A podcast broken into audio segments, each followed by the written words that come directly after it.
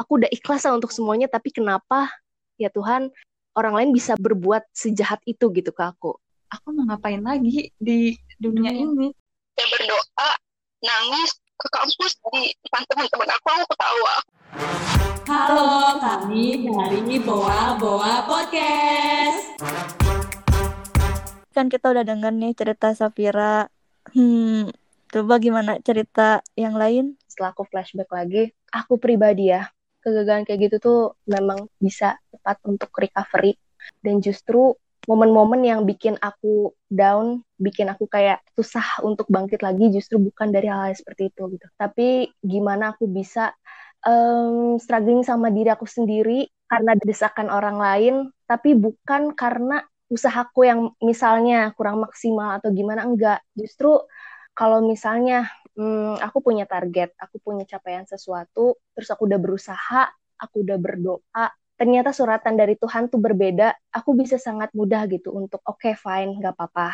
Tapi kebalikannya di mana aku misalnya aku bisa sangat sulit untuk menerima dalam tanda kutip atau percaya akan kenyataan bahwa orang lain misalnya dalam kasus underestimating, um, mengkhianati mungkin atau ya apa pun yang padahal udah aku berikan yang terbaik atau aku udah ngelakuin yang terbaik untuk orang lain, tapi kenapa manusia itu bisa sejahat itu gak melakukan hal yang baik juga untuk aku gitu. Aku kadang kenapa ya bisa sesulit itu untuk menerima kenyataan itu gitu. Contohnya, yang aku ingat banget, aku kan flashback juga momen apa sih yang sebenarnya yang aku sampai gak bisa terima gitu. Hmm, SMP, SMA, aku bisa bilang kayaknya nggak ada suatu hal yang sangat amat membekas terlalu dalam gitu ya untuk perasaan aku. Justru SD, aku bisa bilang SD mungkin kurang lebih sekitar kelas 1, kelas 2, eh masih kecil banget. Waktu itu lagi-lagi aku bersyukur masuk kelas 1 aku dianugerahi kemampuan di atas rata-rata teman-teman aku. Terus bisa dibilang oke okay, fine aku menerima apa pun komentar atau tanggapan apa pun sikap teman-teman aku terhadap aku gitu. Mungkin ada yang baik, ada yang ya menganggap remeh, ada yang dalam tanda kutip memanfaatkan juga ada. Masuk ke kelas 2 pun teman aku salah satunya dia temen deket aku ya biasa masih umur segitu aku juga masih nggak ngerti. Tiap ada tugas itu aku kerjain. Tiap ada catatan-catatan yang harus dicatat itu aku catetin. Terus aku harus salin lagi ke catatan aku. Ulangan biasanya ya itu udah langganan lah. Ya bisa dibilang nyontek atau apa pun tapi itu udah sering banget. Aku fine fine aja sama itu semua. Udah baik baik aja. Ya udahlah terima aja. Sampai di suatu saat um, waktu itu ulangan apa aku juga lupa waktu itu harus di mix harus duduk sama siapa ditentuin kan sama guru waktu itu terus aku duduknya di mana aku ingat banget. Uh, bangkunya paling belakang sama teman aku bukan sama teman aku ini ya yang biasanya. Dalam tanda kutip memanfaatkan aku ini. Beda orang lagi akhirnya pada saat itu sebenarnya uh, teman aku yang satu ini nggak bukan yang selalu nanyain kayak jawaban nomor ini berapa? Itu enggak dia baik dia enggak nyontek sama sekali. Dia paling nanya misalnya ini maksud pertanyaan ini apa ya? Terus uh, temen aku yang satunya yang biasanya nyontek ini mungkin ngeliat aku ya sama dia. Entah apa yang ada di benak dia perasaan dia aku juga nggak tahu. Gurunya aja fine fine aja sama aku. Kita beres ulangan gurunya keluar terus waktu istirahat setelah ulangan itu kan langsung istirahat. Um, waktu itu aku dari bangku belakang lagi jalan ke depan mau keluar kelas. Teman aku ini yang biasanya duduk bareng aku ini, uh, dia berdiri terus dia bilang bahwa aku itu nyontek. Dia hmm. dia dia berdiri, dia berdiri. Aku ingat banget bangku kita waktu itu tuh di pojok kanan depan, depan guru banget.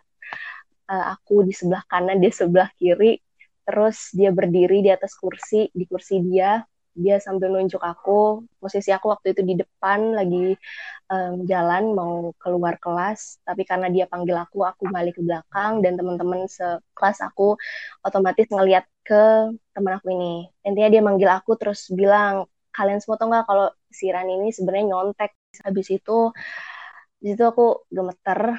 Terus emang si temen aku ini vokal banget orangnya, dominan banget di kelasnya. Dan bisa dibilang teman-teman aku semuanya baik itu cewek maupun cowok takutlah sama si temen aku ini. Abis itu aku cuman bisa kaget banget gemeter dan uh, belum belum nangis waktu itu. Uh, masih masih ngelak lah. Enggak aku enggak enggak nyontek. Dia terus memojokkan aku lah. Pokoknya pas dia lagi ngomong segala macam ke aku itu dia kan berdiri di kursi dia itu. Lama-lama dia ke kursi aku juga injek-injek terus tas aku juga sampai diinjek-injek segala macam sambil nunjuk segala macam gimana nggak gemeter. Ya singkat cerita aku nangis. Di situ nggak ada yang berani ngebela aku teman-teman aku yang ngeliatin nggak ada. Aku nangis terus tiba-tiba apa ya waktu itu? Tuh kelas ya KM KM-nya biasa lah pasti kan harus menenangkan gitu kan. Dia hmm. dia coba nenangin aku pegang pundak aku terus dia bilang ke teman aku bahwa nggak boleh kayak gitu gitu. Nggak boleh kayak gitu. Terus aku akhirnya dibawa ke luar kelas luar kelas terus coba ditenangin aku ke kamar mandi sendiri dan itu nangis dan ya gimana pun aku harus balik lagi ke kelas kan dengan berusaha untuk biar mataku gak sembab dan lain sebagainya sedih banget pokoknya hmm. pada saat itu teman-teman aku aku tahu teman-teman aku ada yang respect ada yang pro ada yang kontra sama teman aku ini. Karena kebanyakan dari mereka juga bisa dibilang takut lah untuk ngelawan si teman aku ini kan. Akhirnya terus-terus kayak gitu perlakuan si teman aku ini banyak yang gak mengenakan. Salah satunya itu tadi yang paling sakit banget. Dan akhirnya sampai di titik di mana aku capek sama semuanya. Aku ingat banget waktu itu satu malam itu di rumah aku malam-malam anak kelas 2 SD nangis di kamar sendiri uh, mama aku lagi duduk di ruang tamu, terus keluarga aku juga lagi nonton TV di ruang keluarga, terus saking gak kuatnya aku keluar uh, kamar waktu itu, aku nyamperin mama aku tanpa sebab apa-apa, tiba-tiba mama aku lagi main apa gitu lupa, lagi nunduk gitu, pas aku di depan mama aku, tiba-tiba mah nengok kan ke ke aku gitu, aku di depannya lagi berdiri. Aku cuman bilang waktu itu aku cuma pengen pindah sekolah gitu. Aku tahu mama aku tuh tipikal yang dia tuh sangat apa ya uh, reaktif banget lah, reaktif banget. Kalau apa-apa misalnya kaget atau sedih atau marah pun pasti meledak dulu. Kayak kaget pun ah bertanya-tanya dulu kaget dulu bikin kitanya shock dulu. Tapi aku tahu pasti uh, mama aku juga um, respect gitu sebenarnya. Pada saat itu sebenarnya aku udah takut mau ngomong atau enggak. Karena aku tahu apalagi um, umur segitu pasti pikirannya aku bakal dimarahin. Emang ada apa penyebabnya gitu. Tapi aku memberanikan diri karena udah gak kuat lagi. Akhirnya aku bilang kayak gitu dan benar kejadian mama aku shock banget. Bisa dibilang kayak marah gitu. Nanya kenapa ada apa? Dan di situ aku makin gemeter gak bisa ngomong apa-apa. Nafas sudah gak beraturan air mata udah kayak mau netes aja. Kaku aja gitu lidah udah gak bisa jawab akhirnya tanpa jawab apa-apa aku balik lagi ke kamar tutup pintu lagi kunci lagi dan wah banjir di mana-mana. Nangis nangis nangisnya. Mama aku nggak nyamperin aku ke kamar segala macam nanyain kenapa dan hilang gitu aja tiba-tiba masalah. Aku juga nggak tahu mama aku tahu apa enggak tentang masalah ini. Entah itu dia nanya ke guru atau gimana aku juga nggak ngerti. Tapi masalah ini nggak pernah dibahas lagi dan aku coba nerima perlahan-lahan dan fun fact-nya lama-lama temen aku ini memang minta maaf di kelas berapa aku lupa kelas 3 atau kelas 4 kelas 3 mungkin ya. Kelas 3 ya dia minta maaf dan uh, lucunya kita jadi teman dekat. Teman dekat oh. pas kelas 5 kelas 6 nya dan sekarang pun ya masih tapi hal itu masih membekas sih dan yang aku dapat adalah um, maksudnya waktu itu yang jadi titik terendah aku memang hal-hal yang berasal dari orang lain kayak aku udah ngelakuin segala macam hal untuk orang lain, aku udah berbuat baik, aku udah kayak nating tulus aja, udah ya nggak apa-apa, um, aku udah ikhlas lah untuk semuanya, tapi kenapa ya Tuhan orang lain bisa berbuat sejahat itu gitu ke aku. Kadang hal-hal yang seperti itu yang bikin aku merasa jadi orang yang paling di bawah, paling rendah, paling bertanya kenapa aku tuh ada di posisi kayak gini gitu. Dan itu terulang lagi ketika di kuliah. Bukan kasus yang sama, tapi eh, masalah-masalah kayak gitu, perasaan-perasaan yang kayak gitu yang bikin aku merasa jadi ada di titik terendah. Contohnya singkat cerita aja, waktu di kuliah tuh ya awal mulanya memang berawal dari hmm, nilai akademis yang turun waktu itu di semester 2, semester 3 terus gak tau kenapa tiba-tiba masalah terus-terusan ada aja gitu. Kayak gak ada berhenti-berhentinya belum selesai udah ada nambah masalah baru masalah baru masalah baru. Relationship juga waktu itu lagi kacau balau. Ya banyak hal-hal yang dari circle pertama itu kayak bikin aku ngerasa di underestimate atau di ngerasa hal-hal yang dikecewakan lah intinya. Hal-hal kayak gitu yang bikin aku ngerasa jadi posisi yang paling bawah. Terus setelah relationship juga aku sempat uh, banyak hal yang kayak dramatis banget deh. Waktu itu sempat sakit juga terus bertahannya sendiri sampai telah putus pun sakit yang harus struggling sendiri. Terus setelah posisi yang lagi di bawah itu pun ditambah lagi orang tua waktu itu sempat umroh juga. Terus kayak orang tua sakit bapak sakit waktu itu. Terus aku karena masalah-masalah sebelumnya itu sangat uh, sangat capek sangat gak karuan kayak ngejelasin hal sibuk tapi gak jelas ngelakuin apa gitu. Jadinya pecah konsentrasi dan buyar gitu aja kayak ngelakuin oke okay, ini selesai selesai. Tapi sebenarnya apa sih aku ngelakuin tuh sibuk-sibuk nggak jelas gitu. Akhirnya aku sampai bapak aku uh, ibu aku umroh pun aku jarang banget buka grup. Aku akuin jarang banget buka grup gimana kondisi mereka jarang banget. Kayak aku cuma tahu dari notifikasi di apa WA aja waktu tapi tanpa aku buka isi grupnya apa. Terus bapakku sakit aku aku pun nggak tahu. Cuman tahu tuh setelah berbulan-bulan bapakku sama mamaku udah datang lagi di rumah dan aku baru tahu uh, sampai setelah bapakku sakit ternyata uh, disusul sama mamaku yang sakit juga. Sampai mamaku pulang pun ke rumah masih dalam kondisi sakit ya ada bodohnya. Aku nggak tahu kondisi mereka pada saat itu gimana. Sampai mereka pulang nyampe ke rumah pun aku taunya dari notifikasi. Sampai waktu itu aku ingat banget malam sebelum ujian waktu itu lagi hektiknya ujian dan masih mumet sama banyak problem sebelum sebelumnya um, aku ingat banget waktu itu di kosan kosan aku waktu yang pertama itu memang kecil apa ya panas sumpek banget terus ditambah lagi waktu ujian banyak masalah kayak gitu bener-bener bikin stres banget. Dan waktu itu lagi persiapan ujian lagi belajar buku di mana-mana kertas di mana-mana di kasur di lantai semuanya. Dan aku ditelepon sama bapak aku. Terus aku angkat aku berdiri posisinya lagi berdiri terus bapakku kayak cuma nanya kamu tahu nggak kalau bapak sama mama tuh udah di rumah? Tahu bilang tahu. Padahal aku literally cuman baca di notif dan gak buka grup. Terus aku ehm, kamu sibuk ya emang ya? Sibuk kuliah?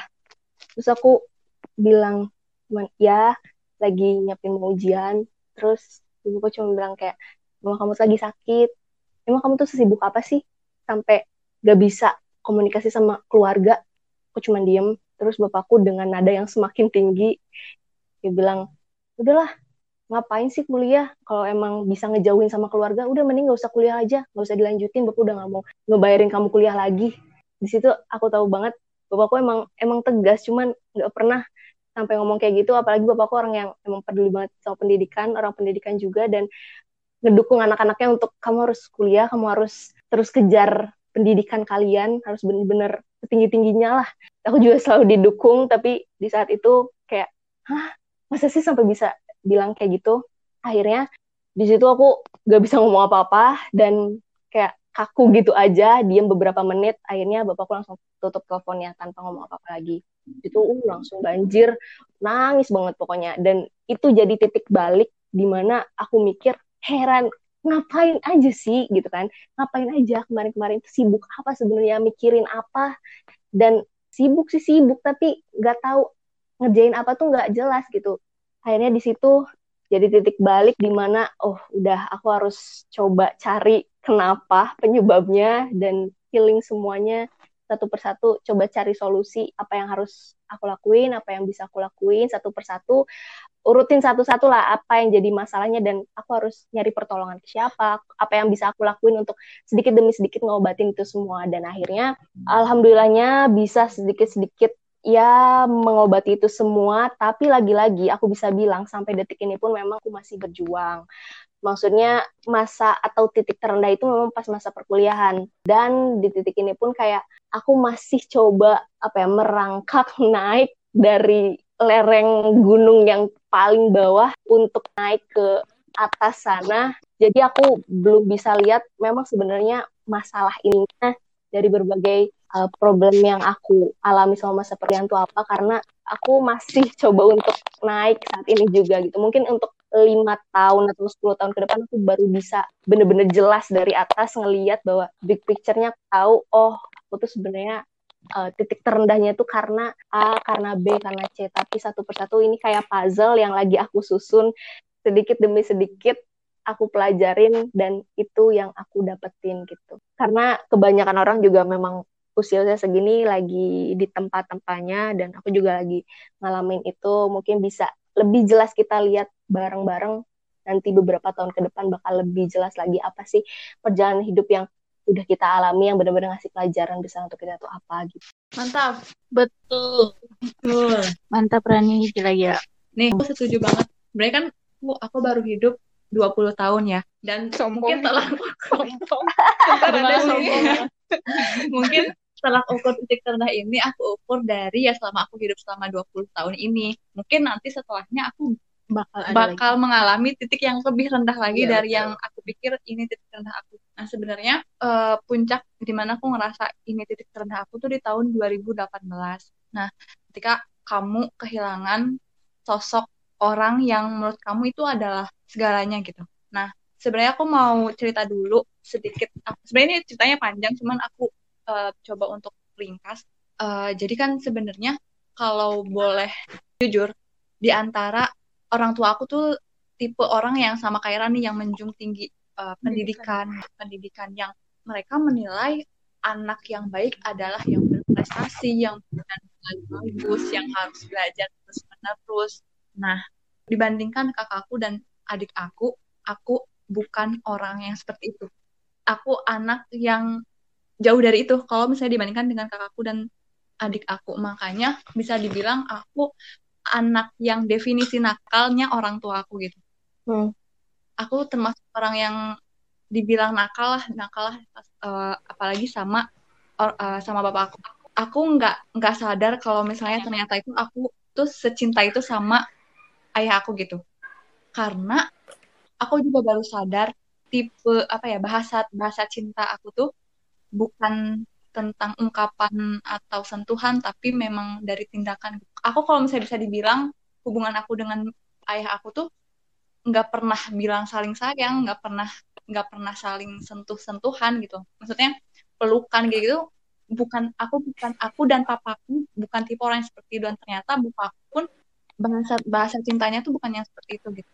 Nah kalau misalnya dibandingkan dengan hubungan anak dan ayah bukan yang terlalu deket banget juga enggak. Tapi ayahku tuh jadi sosok yang aku takuti sekaligus hormati gitu. Karena ayahku tuh tegas banget apalagi soal agama soal tata krama lah soal yang gitu-gitulah. Pokoknya bapakku tuh keras banget. Sampai aku sebenarnya aku takutnya cuman sama dia gitu. Sama almarhum aku cuman takutnya sama dia gitu. Nah eh sampai ketika SMA pun aku tidak seberprestasi kakak aku dan tidak seberprestasi adik aku sempat timbul keraguan dari dari orang tua aku ih kayaknya Rika nggak bisa nih jadi masuk PTN nggak bisa nih karena karena kalaupun misalnya aku nggak dapat PTN mama orang tua aku tuh sudah memaklumi gitu. Nggak apa-apa nggak nggak dapat PTN juga. Tapi dapat PTN dan aku ingat banget waktu pas pengumuman ayah aku nangis. Kayak nggak tahu nangisnya karena apa mungkin pasti senang pasti senang.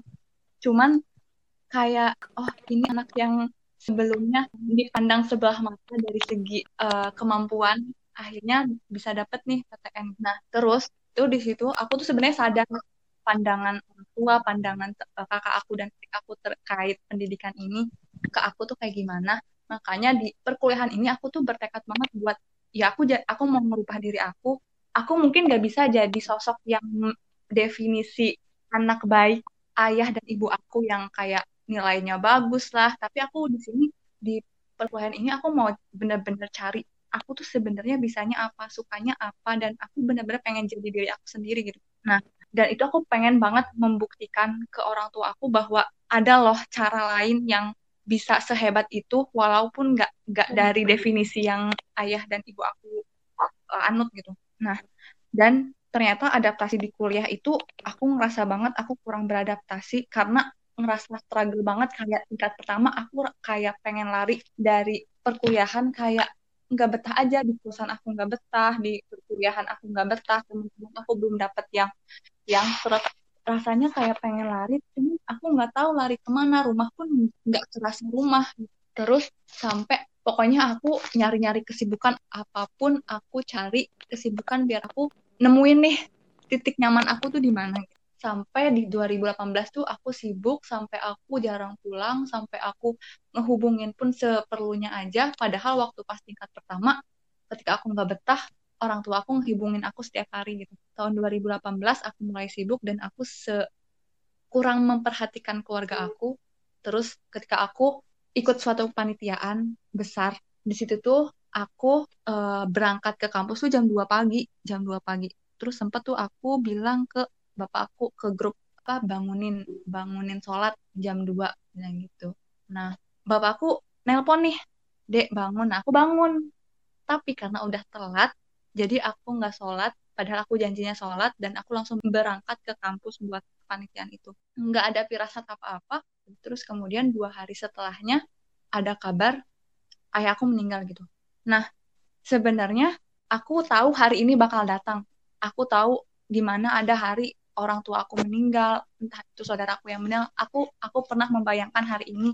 Tapi aku nggak pernah membayangkan bakal terjadi secepat ini di umur aku yang 18 tahun 18 tahun. Dan itu langsung kayak nyes kayak sakit kayak apa ya sakit hati. Tapi itu iya ya kayak sakit hati nggak tahu aku nggak bisa ngejelasin perasaannya kayak sakit aja. Ternyata yang bangunin telepon yang bangunin aku sholat di pagi hari itu tuh telepon terakhir dari bapak aku dan dan nyuruh sholat gitu.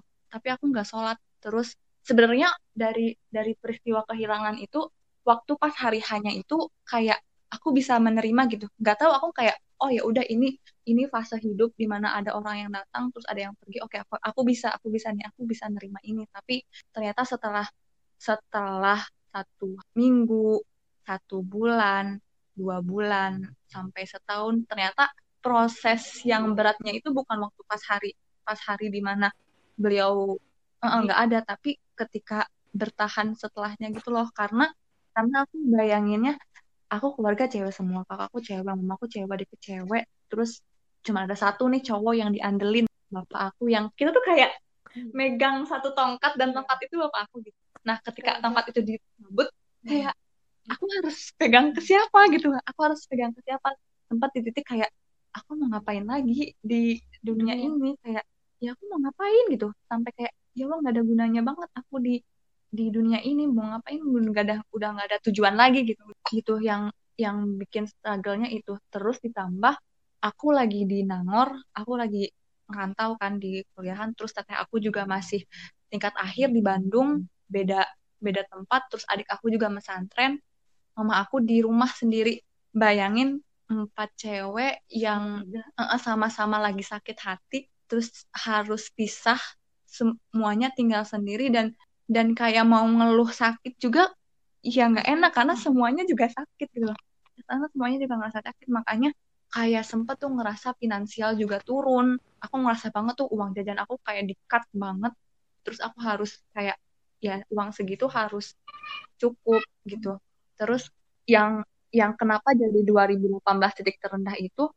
Karena 2018 tuh kayak mimpi-mimpi aku yang aku bilang aku ingin berubah untuk di perkuliahan tuh aku mulai nemuin nih aku mulai nemuin. Terus aku kayak mulai dapet pencapaian-pencapaian yang sebenarnya aku pengen ya. pengen tunjukin ke beliau juga gitu. Aku pengen nunjukin nih aku nih hmm. aku juga bisa gitu. Terus ternyata nggak ya nggak bisa gitu. Aku, aku cuman bisa uh, nyampein itu lewat doa gitu.